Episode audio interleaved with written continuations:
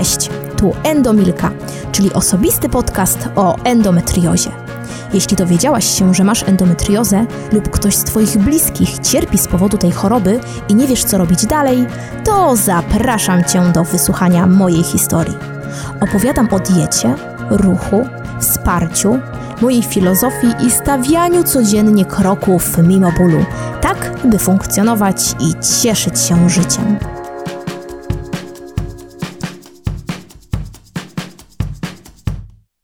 No, to już drugi mój podcast. I mam nadzieję, że pierwszy zachęcił Was do kontynuacji przebywania ze mną. Oj, przynajmniej w sferze dźwięku. Tym razem chcę Wam opowiedzieć, jak to się zaczęło. To może już bez zbędnych zapowiedzi. Życzę Wam miłego odbioru.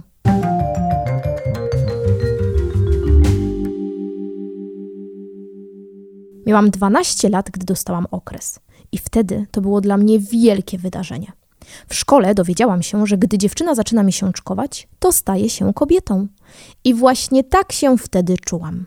Pamiętam, że informując o tym szkolną higienistkę, usłyszałam, że jako pierwsza z klasy zaczęłam miesiączkować i nie mam nikomu o tym mówić, bo koleżanki mnie nie zrozumieją. Czujecie? I właśnie tak wyglądała edukacja seksualna w mojej szkole. Zajebiście. Z jednej strony stajesz się kobietą, ale z drugiej będzie lepiej, jak nikomu o tym nie powiesz.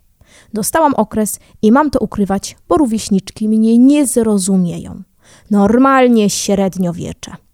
Dlatego nie wyrzucałam podpasek do kosza w szkolnej toalecie, tylko przynosiłam je do domu. Tak, macie rację. Totalna oblechina. Ale cóż, posłuchałam pani higienistki i ukrywałam moją miesiączkę w tornistrze przed całą szkołą.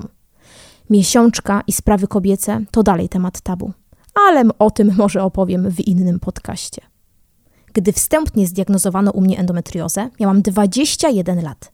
Przypomnę, że gdy zaczęłam miesiączkować, miałam 12.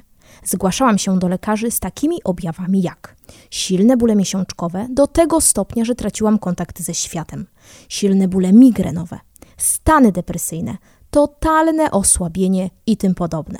Co usłyszałam od ginekologów? Że taka moja uroda, gdy zaczniesz współżyć, to wszystko się zmieni. Gdy urodzę dziecko, to bóle ustaną. Szukałam z mamą dalej. Przechodziłam badania od stóp do głów, ale wyniki były dobre. No a skoro dobre, to na pewno z głową coś nie tak. Dlatego w końcu zostałam wysłana do psychologów i psychiatrów. Myślałam, że w końcu postawią diagnozę i poczuję się lepiej. Otóż nie, moje drogie.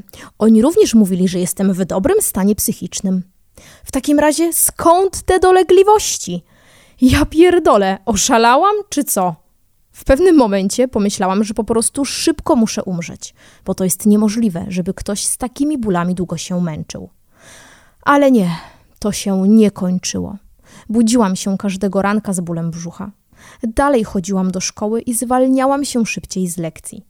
Niektórzy myśleli, że jestem leniwa, że nie chcę mi się uczyć, że po prostu ściemniam. Zamykałam się w szkolnej toalecie i wyłam. Ryczałam jak bubr. Później wracałam do klasy. Moje dolegliwości nasilały się. Miałam miesiączki nie do wytrzymania. Brałam leki przeciwbólowe. Silne migreny nie pozwalały mi normalnie funkcjonować. Zaczęły mnie nawiedzać stany depresyjne, problemy ze wstawaniem z łóżka, dlatego potrafiłam spać do południa, a i tak budziłam się zmęczona. Przeskakując kilka lat do przodu, kiedy już zaczęłam współżyć, tłumaczenie lekarzy nieco się zmieniło. Nie wiem, jakie wy otrzymywałyście diagnozy, ale moje były coraz bardziej absurdalne. Na przykład, pierwsza przygoda związana z interwencją w szpitalu rozpoczęła się karetką. Usypiano mnie przez 7 dni. No bo w końcu, gdy nie wiemy, jak pomóc wyjącemu z bólu pacjentowi, to go uśpijmy, przynajmniej przestanie jęczeć.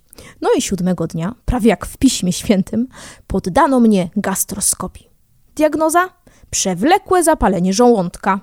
Hurra! To teraz już wiemy. A co dalej? No jak to co? Wypis i do domu. Przewlekłe zapalenie żołądka bankowo miałam przez tabletki przeciwbólowe.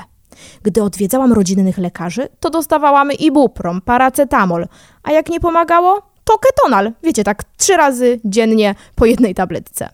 Byłam młodziutka i chciałam normalnie funkcjonować, więc łykałam tabletki jak dropsy. Śniadanie drops, Obiad, drops. Boli bardziej? To drops, drops.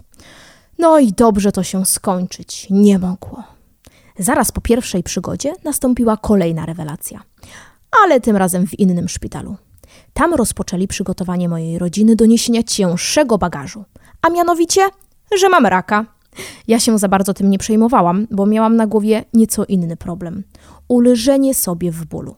Ale moja rodzina przechodziła dramat. Zalecenie ordynatora? Cytuję. Żeby przebieg operacji był prostszy, proponuję cięcie od góry do dołu i usunięcie wszystkiego. Koniec cytatu. Także jako dwudziestolatka miałam pozbyć się możliwości macierzyństwa. I to bez większego wysiłku intelektualnego lekarzy. Czujecie? Bez walki, bez próby innej terapii. Po co się męczyć? Ujebmy jej, co się psuje i po kłopocie. Co mogłam wtedy zrobić? Całe szczęście, że mimo bólu miałam intuicję i odrobinę rozumu. Wzięłam nogi za pas i spieprzyłam stamtąd. Mm, inna sytuacja. Cytuję. Nie, nie ma pani endometriozy, to tylko stan zapalny. I tak otrzymałam trzy antybiotyki, czwarty już podany w szpitalu. Jednak po interwencji ordynatora, który zmienił diagnozę lekarza prowadzącego i potwierdził endometriozę, antybiotyk wstrzymano. Wypis do domu i radź sobie kobieto dalej sama. No tak. Natomiast po wizycie u tego arcymistrza ginekologii ręce mi opadły. Usłyszałam to. Uwaga, przygotujcie się. Cytuję. Partner miał za dużego penisa, wepchnął go pani za mocno i przebił się do brzucha. Stąd endometrioza. Koniec cytatu. Voila, wszystko jasne. Ja pieprzę. Czy to medycyna, czy kabaret? W dodatku kiepski. Dziewczyny, nie dajcie, nie dajcie sobie wymówić, że wasze dolegliwości to drobnostka, że to wasze widzimisię, czy też chwilowe dolegliwości, które miną. Badajcie się, dociekajcie, a przede wszystkim zaufajcie sobie. Teraz mam 27 lat i dzisiaj nie pozwoliłabym na takie pomiatanie sobą. Wtedy byłam młoda, przerażona i z silnym bólem. Nie sprzeciwiałam się, przyjmowałam wszystko jak worek treningowy. Teraz wiem, że można napisać skargę na lekarza, wyjść z gabinetu. Można zrobić cokolwiek, żeby nie zgodzić się na takie traktowanie. Nie stawajcie się milczkami, które akceptują każdą diagnozę. Pamiętajcie, że lekarze to ludzie. Nie próbuję ich znieważyć. Ale czy to tak trudno przyznać się do niewiedzy? Lepiej szkodzić? Ale już koniec. Każdy zasługuje na szacunek, w szczególności osoba, która cierpi i przyszła po to, aby otrzymać pomoc. W trakcie poszukiwań znalazłam grupę na Facebooku i dowiedziałam się, że nie jestem sama z tą chorobą. Poczytałam i wybrałam lekarza, do którego zapisałam się na wizytę.